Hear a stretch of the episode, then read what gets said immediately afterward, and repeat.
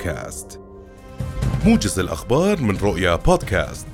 أكد جلالة الملك عبد الله الثاني أهمية توحيد الجهود العربية وتنسيقها وتكثيفها لوقف التصعيد في القدس. وخلال لقائه في قصر الحسينية اللجنة الوزارية العربية المكلفة من قبل الجامعة العربية بالتحرك الدولي لمواجهة السياسات وإجراءات الاحتلال الإسرائيلي غير القانونية في مدينة القدس المحتلة. وبحضور سمو الأمير الحسين بن عبد الله الثاني ولي العهد شدد جلالته على ضرورة احترام الاحتلال للوضع التاريخي والقانوني القائم في المسجد الأقصى المبارك الحرم القدسي الشريف والحفاظ على حقوق المصلين في ممارسة شعائرهم الدينية. وجدد جلالة الملك التأكيد على مواصلة المملكة بذل كل الجهود لحماية المقدسات الإسلامية والمسيحية في القدس. هذا وكانت اللجنة الوزارية العربية المكلفة بالتحرك الدولي لمواجهة سياسات الاحتلال الإسرائيلي غير القانونية في مدينة القدس المحتلة. قد عقدت اجتماعا بحثت فيه سبل مواجهة تصعيد الاحتلال الخطير في المسجد الأقصى المبارك وبلورة تحرك مشترك لوقف الاعتداءات واستعادة التهدئة الشاملة. وزير الخارجية وشؤون المغتربين أيمن الصفدي أكد أن المقدسات الإسلامية والمسيحية في القدس فوق السياسة وأنه لا يمكن القبول بأي اعتداءات على المسجد الأقصى. من جانبه قال وزير الخارجية الفلسطيني رياض المالكي إن اعتداءات الاحتلال الإسرائيلي تمتد لكل فلسطين المحتلة وليس فقط في القدس.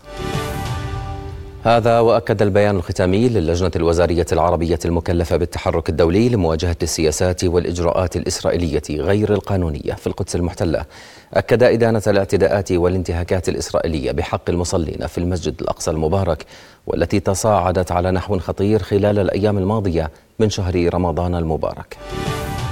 أعلن الهلال الأحمر الفلسطيني اليوم إصابة نحو عشرين فلسطينيا جراء اعتداءات قوات الاحتلال على المصلين في المسجد الأقصى المبارك. واعتدت قوات الاحتلال صباح اليوم على النساء بالضرب في صحن قبة الصخرة المشرفة.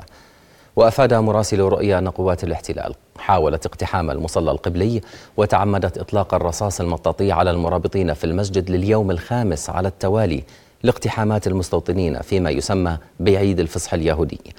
ونقلت وسائل إعلام فلسطينية أن عددا من المصلين المرابطين أصيبوا بقنابل الغاز والرصاص المطاطي. شنت مقاتلات الاحتلال بعد منتصف الليلة الماضية غارات جوية عنيفة على قطاع غزة وأفادت مصادر في غزة أن طائرات الاحتلال الإسرائيلي استهدفت موقعين للمقاومة الفلسطينية بنحو عشرة صواريخ على الأقل. فيما ردت المقاومة بإطلاق نيران مضاداتها الجوية صوب الطائرات.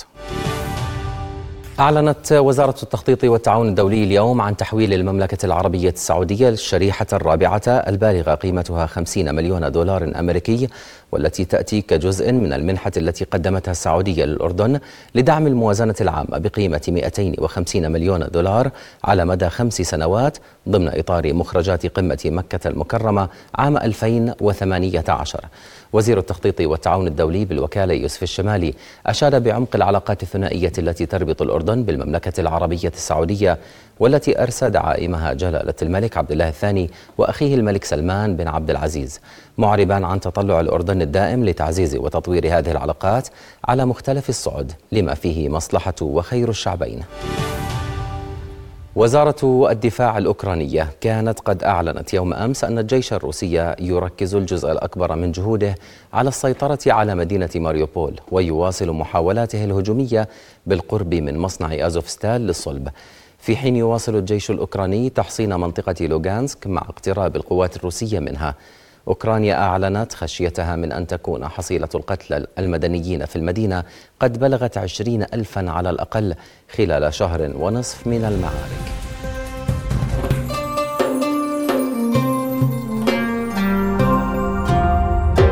رؤيا بودكاست.